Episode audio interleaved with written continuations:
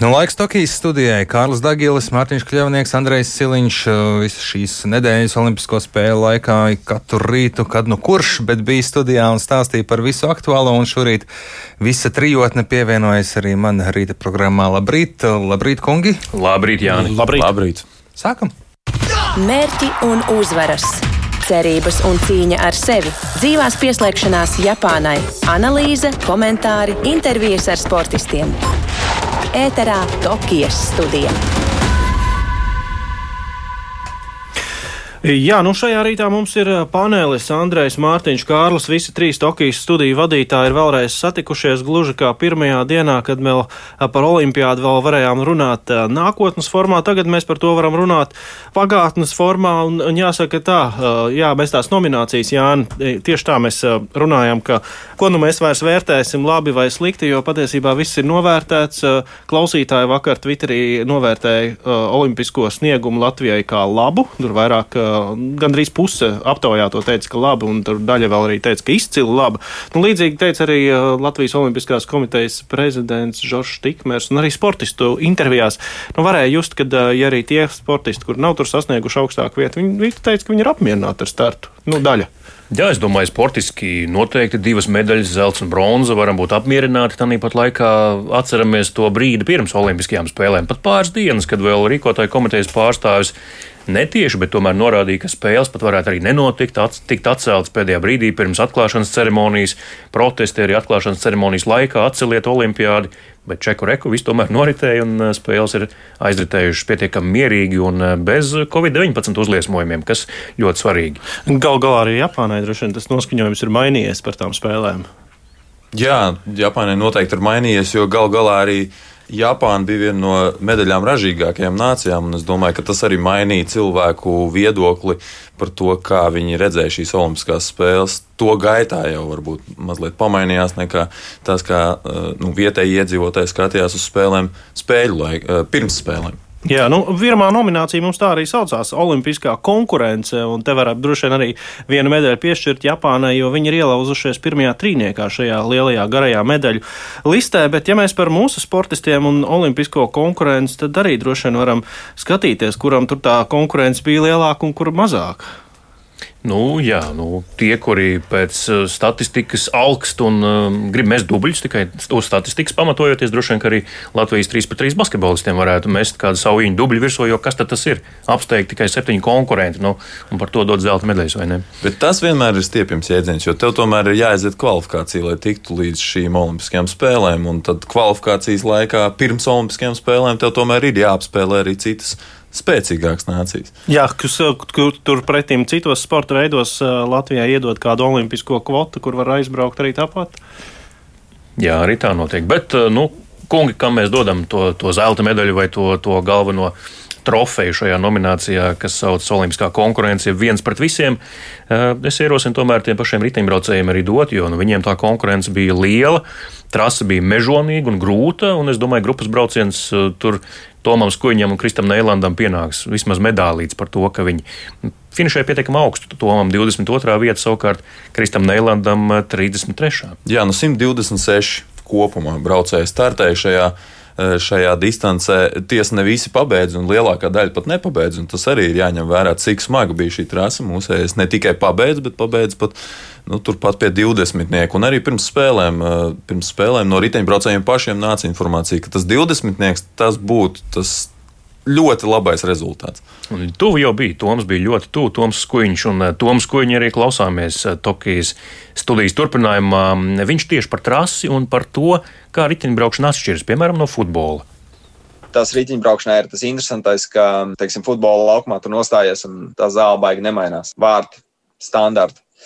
Bet riteņbraukšanā ir ne tikai varbūt rases reliefs, ne tikai laikapstākļi, bet arī īstenībā kādi tie ceļi ir, kāds ir, eh, kāds ir asfalts, pa kuru pusi ceļam jābrauc. Jā, tas arī daudz maina un eh, kaut vai tās pašas saliņas, cik daudz, cik apšveida krustojumi daudz un tā tālāk. Tas īstenībā viss riteņbraukšanā ir uh, atšķirīgs no teikt, citiem sporta veidiem, kur viss ir ļoti standartizēts. Līdz ar to ābolus pret āboliem grūti salīdzināt. Bet, jā, man būtu jādod kaut kāds viens no desmit sarežģītībā, tad es dotu labi, labu 8,7. Jo trasa tik tiešām bija ļoti, gan trasa bija sarežģīta, gan ceļi bija augšā lejā bez tiem trim lieliem kalniem. Nebija tā, ka bija tikai līdzenums starpā. Bija, bija par ko piedomāt, bija par ko uztraukties. Un, jā, noteikti kopumā diezgan sarežģīti arī ar visu to jā, ieplānošanu par ēdieniem, lediem un tā tālāk. Tokijas studija. Jā, Skoņiem varētu arī nominācija par labāko skaidrojumu, kā riteņbraukšana atšķiras no futbola. Es sapratu. Jā, nu, bet tu arī pārvietojies ikdienā uz diviem riteņiem tieši, mo, tieši, tieši motorizēti. Gribu tagad skaidrojumu, kāds atšķiras no futbola? Ļoti. Nē, bet uh, ceļi, nu, arī taču dažādi segumi, dažāds bedru skaits un arī blīvums vismaz uz Latvijas ceļiem. Tā kā tu droši vien to arī to novērtē, ka tomēr, nu, tā va trase katra ir atšķirīga. Ceļi, jā. Mm. Jā, bet nu, kopumā tiešām tā konkurence ir liela riteņbraukšanā. Mēs vēl te vērtējām, varbūt jāšanā Kristapam Neretniekam tur bija vairāk nekā 70 dalībnieki. 73 dalībnieki, gal galā Neretnieks iekļuva finālā, kas jau tika kā, arī no pašu jātnieku puses uzskatīts kā liels sasniegums, ka vispār ir iekļūšana finālā. Galu galā arī pirmo reizi Latvijai vispār kāds jātnieks piedalījās Olimpiskajās spēlēs. Jā. Mums ir otrā nominācija. Šī būs droši vien tā kritiskā nominācija, kur mēs varbūt tās neveiksmes varam pavērtēt. Īsākā dalība šajās Olimpiskajās spēlēs no mūsu sportistiem. Kāda te mums ir varoņi? Es skatos. Es nominēju Evgeniju Bordovko, judo pārstāvi. Viņš īsti netika nemaz līdz Tokijai, jo Covid-19 pozitīvais tests to neļāva. Jā, no tiem, kas tika, man pēc sajūtām šķēpmetēji. Nu, aizgāja, visi izmeta, bet neko neaizmeta. Nu, ne visi, ne visi, tas ir pirmkārt, Jā. bet nu, šķērpmešanā ir tā, ka trīs mēģinājumi tikai ir, un tad vai nu aizmet, vai nu neaizmet. Jā, bet ja mēs tīri strikti ņemam un ieslēdzam chronometru, tad droši vien visīsākā dalība tomēr bija Līgai Velverei. Diemžēl savainojums viņai jau pēc desmit sekundēm liedza, izstā, liedza, liedza turpināt uh, distanci 400 metru skrējienā, un uh, jā, viņai Olimpiskās spēles beidzās tieši tik ātri. Nu, kopumā arī tā viegla atletika neiepriecināja. Mēs jau arī vakar ar Tikmeru kungu runājām, ka kaut kas tajā sistēmā nav kārtībā. Nu, droši vien katram sportistam tas iemesls varbūt vājajam startam ir cits, šķēpmetējiem viens iemesls, skrējējiem cits. Bet jā, kopumā tā, tā viegla atletika nu, nebija, nebija nebija līmenī. Nu, kopumā tas gads arī sagatavošanās mm, nebija kā varbūt ierasts. Bet, bet ja mēs skatāmies tādu lielo bildi, un man piekdienas studijā uh, bija viesis Niks Gaiglēts, kurš tieši arī uzsvēra šo lietu, ka nu, nav jau īsti pamata mums gaidīt no vieglatlētiem, ja mums nav kur, nav kur trenēties. Mūsu valstī infrastruktūra, diemžēl, vieglatlētiem ir ļoti vājā līmenī. To arī jā, Latvijas Vieglatlētikas Savienības ģenerālsekretārs iepriekš tieši šī gada sākumā sporta raidījumā piespēle intervijā sacīja, ka jā, nu, ja viņam pašam tagad bērns būtu jāsūta kaut kur trenēties, nu, viņš droši vien neizvēlētos vieglu atlētiku. Viņi ļoti cer uz Daugavas stadionu manēžu, kas tiek celt un drīz tiks atklāta, bet, eh, ja mēs nominējam Līgu Velveru, es domāju, ka viņai arī pienāk šī balva par īsāko startu, un ja reiz tās bija desmit sekundes Andrejam, eh, viņai eh, sacensību laikā un piedaloties Tokijas Olimpiskajās spēlēs, tagad mēs dosim viņai četreiz ilgāku laiku, lai viņa pastāst par to, kas viņai īsti nesanāca Tokijā. Treniņā gadījās neliela problēma. Nu, laikam jau diezgan liela problēma. Un, uh, atbraucot šeieni, mediķi darīja pilnīgi visu, kas bija iespējams, lai mani dabūtu līdz startam. Vispār moments, kad vai nu es uh, varu vai es nevaru. Es, protams, es mēģināju tik tālu, cik es varēju, bet nu, man kāja vienkārši nestrādāja. Man viņas sāp tik ļoti, ka es viņu nevaru. Es nevaru neko gan piespiežoties, gan saņemoties, nu, grūti skrēja, cik tālu es varēju. Tas arī bija viss. Tokijas studija. Jā, nu, um, vēl varēja, varam iedot arī, protams, nomināciju mm, drosmi, jo es šorīt vēl no rīta noskatījos vēlreiz to skrējienu. Nu, tā ļoti drosmīgi arī un apņēmīgi viņi to skrējienu uzsāka, turējās līdzi vēl tajos pirmajos metos, bet, nu, jā, visu cieņu gal galā es aizbraucu, nu, ir problēma, bet iešu, darīšu, un tad redzēs, kas būs. Ja, nu, Čēpmešana un visas šīs mešanas, lekšanas disciplīnas vieglatlētikā tiešām var būt īsas. Tā dalība var būt īsa. Mēs arī skatījāmies uz dažādiem cīņas sporta veidiem, kur arī dažas tās cīņas mūsu sportistiem bija jāizvada Kalniņam. Uh, karatē, Grigorievai cīņas sportā. Viņas, starp citu, ar trijām cīņām jau uzreiz tika pie, Varēja tikt pie medaļas. pie medaļas jā, ļoti ātrā ļoti ātrā veidā. Bet, uh, jā, varbūt kāds atcerēsies un teiks, patiesībā tā īsākā dalība bija tenisistiem. Lai gan visas spēlēja trīs setus, arī dubultspēlē spēlēja trīs setus, bet nu, tenisists, kā parādījās, tā arī pazuda. Tur tās gaidas bija tik lielas, tik lielas, un beig, beigās tik ātri viss beidzās. Ne tikai maratona sanāca sprints. Trešā nominācija, mēs to nodēvējām Parīzē, jau būs. Parīzē jau būs. Tas nozīmē nu, tādu perspektīvu ar skatu uz nākotni, kurš tad varētu mūs iepriecināt Parīzē. Nu, un jāsaka tā, ka, ja reiz pārskata to kopējo Latvijas olimpisko delegāciju Tokijas Olimpiskajās spēlēs, tad uh, nu, 24 debitanti vien par kaut ko liecina un runā. Žoržs Tikmers jau arī Kārli tev vakardien uh, intervijā Tokijas studijā no rīta atzina, ka paudžu maiņa notiek, daļai ir arī notikusi. Un tie ir tie jaunie, kuri mūs iepriecina. Nevis eh, kāds no, kāds no iepriekšējo olimpiāžu varoņiem vēlreiz uzspodrina savus spāvus, bet nāk un rodas jauni varoņi. Es tieši domāju, jā, cik nu, teiksim, tā paudžu maiņa varbūt tā padomju sporta skolu ieliktie pamati vairs ir aktuāli un cik, eh, cik eh, šobrīd tā Latvijas sporta sistēma darbojas veiksmīgi. Bet, ja reiz esam tagad pēc astoņu gadu pārtraukuma izcīnījuši divas medaļas, tad, tad kaut kas arī darbojās un ar tik jaunu sastāvu aizbraucot, jā, mēs varam tur lasīt ārā, kuriem tad ir tās perspektīvas. Mēs jau pieminējām akmeni airēšanā, viņš ir pietiekami jauns un perspektīvs. Mm, Ieva Maļuka gal galā. Ieva Maļuka, jā. Anēt Kociņš šēpašanā arī, es domāju, liela perspektīva un ir, ir milzīgs potenciāls kaut ko sasniegt nākotnē. Mēs arī spriežot par šo nomināciju runājām, vai pludmales volejbolā, ja, tad, tad divreiz aizbrauc uz Olimpijādu, divreiz spēlē par bronzas medaļu Mārtiņš Pļaviņš. Viņam būs 39, ja Parīzē. 39. Nu, Genādijs Samoilovs saka, nu, kā perspektīvēs viņš laikam vairs. Bet, uh, ja... Genādijs Samoilovs saka, ka viņš vēl ir jauns puika. Tā kā viss, viss, viss vēl priekšā. Es drīzāk pludmales volejbolistiem, kurus varbūt tā neviens neuzskata par tā teikt tā, ņemot vērā šo labo startu, ja, varbūt tā neperspektīva likt, jo viņas jau bija turpat, turpat. Bet uh, es domāju, ka Parīzē jau varētu būt. O, bet viņām būs noteikti iekšējais niknums pēc tam divām neveiksmīgām cīņām. Tomēr nākamajā olimpiādē aizsniegties līdz medaļām. Bet es vakar biju arī lidostā Rīga, kur um, no Tokijas atgriezās Mārtiņš Pļaviņš, Edgars Točs, arī Genādijs Samoilovs, kurš arī Tīnu Graudiņu un Anastasiju Kravčēnoku trenēja šī pāra pašā sākuma posmā un vēl līdz pagājušajam gadam. Viņš sacīja, mums ļoti paveiksies, un mēs varēsim būt ļoti, ļoti laimīgi, ja kaut vai Parīzē mēs pietuvosimies šīm ceturtajām vietām ar vienu pāri. Gan Tīnai, gan Nastjai būs ļoti grūti nu, atkārtot kaut ko tādu, jo konkurence kļūs stiprāks, un arī viņas kļūs, protams, pieredzējušākas, bet arī tomēr uh, konkurence uh, nāks jaunas vietā, vecās aizies. Un uh, tāpat arī Mārtiņam Pļaviņam, Edgaram Točam. Nu, Mm, viegli noteikti nebūs, ja viņi vēl spēlēs kopā, un nebūs viegli arī, ja šis pāris, piemēram, izšķirsies un paņems katrs kādu jauno pārinieku sev pie pleciem un, un audzinās. Tā kā, jā, Genādijs Samoilovs nebija nemaz tik eh, optimistisks par Parīzi, bet, protams, ar skatu nākotnē, ka ir jāstrādā, lai būtu rezultāts. Es arī noteikti atzīmētu svarcelšanu. Ritvars eh, Suharevs izcīnīja sesto vietu. Viņš ir ļoti jauns un eh, zinām, ka svarcelšanā mums tās medaļas, nu neteiksim, ka birsta, bet nāk un nāk nobriedušiem sportistiem. Gan Viktors Čerbātīks izcīnīja, tad, kad viņam jau bija ap 30, gan arī, eh, nu, protams, Artūrs Plēsnieks. Viņam arī 29 jau tā kā tātad Rītvaram Suharevam 22 gados ir vēl kur augt un pieredzi krāt. Andrei, bet kāpēc mēs izvēlējāmies Ievu Maļuku peldētāju? Ievu mēs izvēlējāmies tāpēc, ka gal galā pirmkārt viņa bija pati jaunākā mūsu delegācijas pārstāve, 18 gadu vecumā.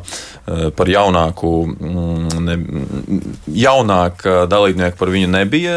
200 metros viņa izcīnīja 24. vietu, 100 metros 37. vietu.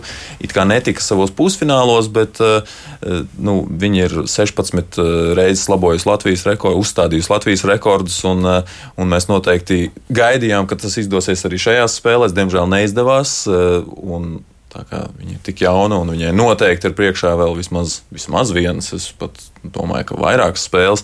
Nu, tad noteikti mēs eh, redzam arī tur eh, to, ka varētu tikt labot ne tikai Latvijas rekords, bet varbūt arī kāds fināls sasniegts. Paklausāmies maļu. Klausāmies, ko viņi saka. Man šoreiz nesanāca uzstādīt kārtējo Latvijas rekordu un nesanāca uzlabot savu rezultātu, bet es noteikti ieguvu milzīgu pieredzi. Es domāju, ka es šobrīd vēl neesmu gatava pieņemt to, ka gadās, un man ir 18 gadi, un es vēl neesmu nobriedusi sportiste, un es vēl tikai attīstos un, teiksim, tā uzpildījos ar šo pieredzi. Ir grūti samierināties ar to, ka es vēl neesmu gatava cīnīties par medaļām. Es to ļoti vēlos. Ceru, ka man viss izdosies. Jā, tā Ieva Maļuka, viņa, es saprotu, brauks uz Ameriku mācīties. Tā mamma sacīja intervijā Latvijas televīzijā, jā, pirms aptuveni nedēļas, bet tas vēl neesot izlēmts līdz galam. Tās domas, uh, veroties ASV un kolēģis virzienā, kā Ja jau mamma tā teica, tad jau tā būs. Nu, nē, tagad jau uh, Ieva domā pati. Ap 11, uh, agrīnajiem 11 gadiem, jā, tur bija māmas stingrā roka, bet nu jau uh, māma, es domāju, ir pieņēmusi, ka Ieva ir pieaugušais un arī pat var izlemt. Bet mamma, ir, bet mamma ir tur nozīme, jo viņa arī ir olimpiskā medaļniece, ja Ļena Rubļevska modernajā pieciņā. Mums ir jāķerās klāt nākamajai nominācijai. Tokijas studija. Kā tad mēs to zelta medaļu varam pārrunāt? Mēs viņu varam pārrunāt, protams, tas ir mūsu zelts, bet tur arī bija daudz dažādas frāzes, citātu, un tāpēc mūsu nominācija nākamā arī saucās Olimpiskais citāts.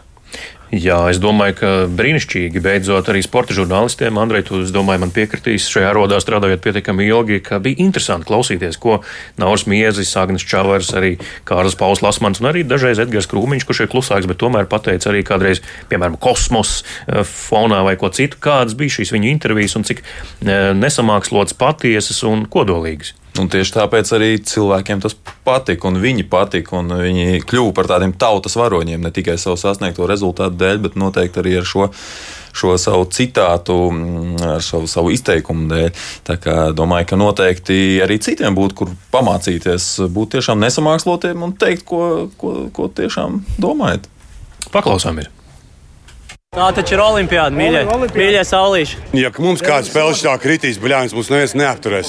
Džeki noteikti bija uzčurājuši pirms spēles uz rokām. Nezinu, laikam rokstīs jāēd vairāk olas. Uh, nav pauta, nevaram ielikt. Būs labi. Lai man tikai uzraksta vēl kāds slikts komentārs par krūmiņu, viņš atrausies bietēs, atučai. Kā var šitā nokapāt? Nauris ir dzīvnieks. Nopietni. Aparāts, mašīna, es nezinu, ko lai vēl pasaktu. Dzīvnieks. Daudz saka, ka tas nāk no treneru rimbinieka, ka viņam esot tādas frāzes, to, ko tu teici. Tā ir. Jā, konkrēti par to uzturēšanu uz rokām. Tas ir rimbinieka teiciens. Un, un, un, nu, jā, nu mēs, mēs esam parasti džeki, mēs esam, mēs esam zemnieki un mēs nekaunamies no tā, ko mēs sakām. Jo nu, tā ir, tā, tā ir tas, tas ir fakts un tā ir taisnība, ko mēs sakām. Un, un, un cilvēku publiku mēs esam iemīļojuši saistībā tieši ar intervijām. Nu, es domāju, arī jums smaids parādījās sejās ne tikai šeit, studijā, jums, kungi, bet arī jums, radio klausītāji, klausoties. No brīžiem arī jāsargs, jo tur man bija, liekas, bija arī tādas vietas, kur bija tie pīkstuļi jāliek virsū, bija intervijas. Ne? Nē, viņiem nebija. Ah, viņiem viņiem nebija. nebija. Viņi bija ieturēti rāmjos, viņi varbūt pateica tā, nu, teiksim, tā familiārāk, bet uh, pietiekami kodolīgi, bet ne cenzējami.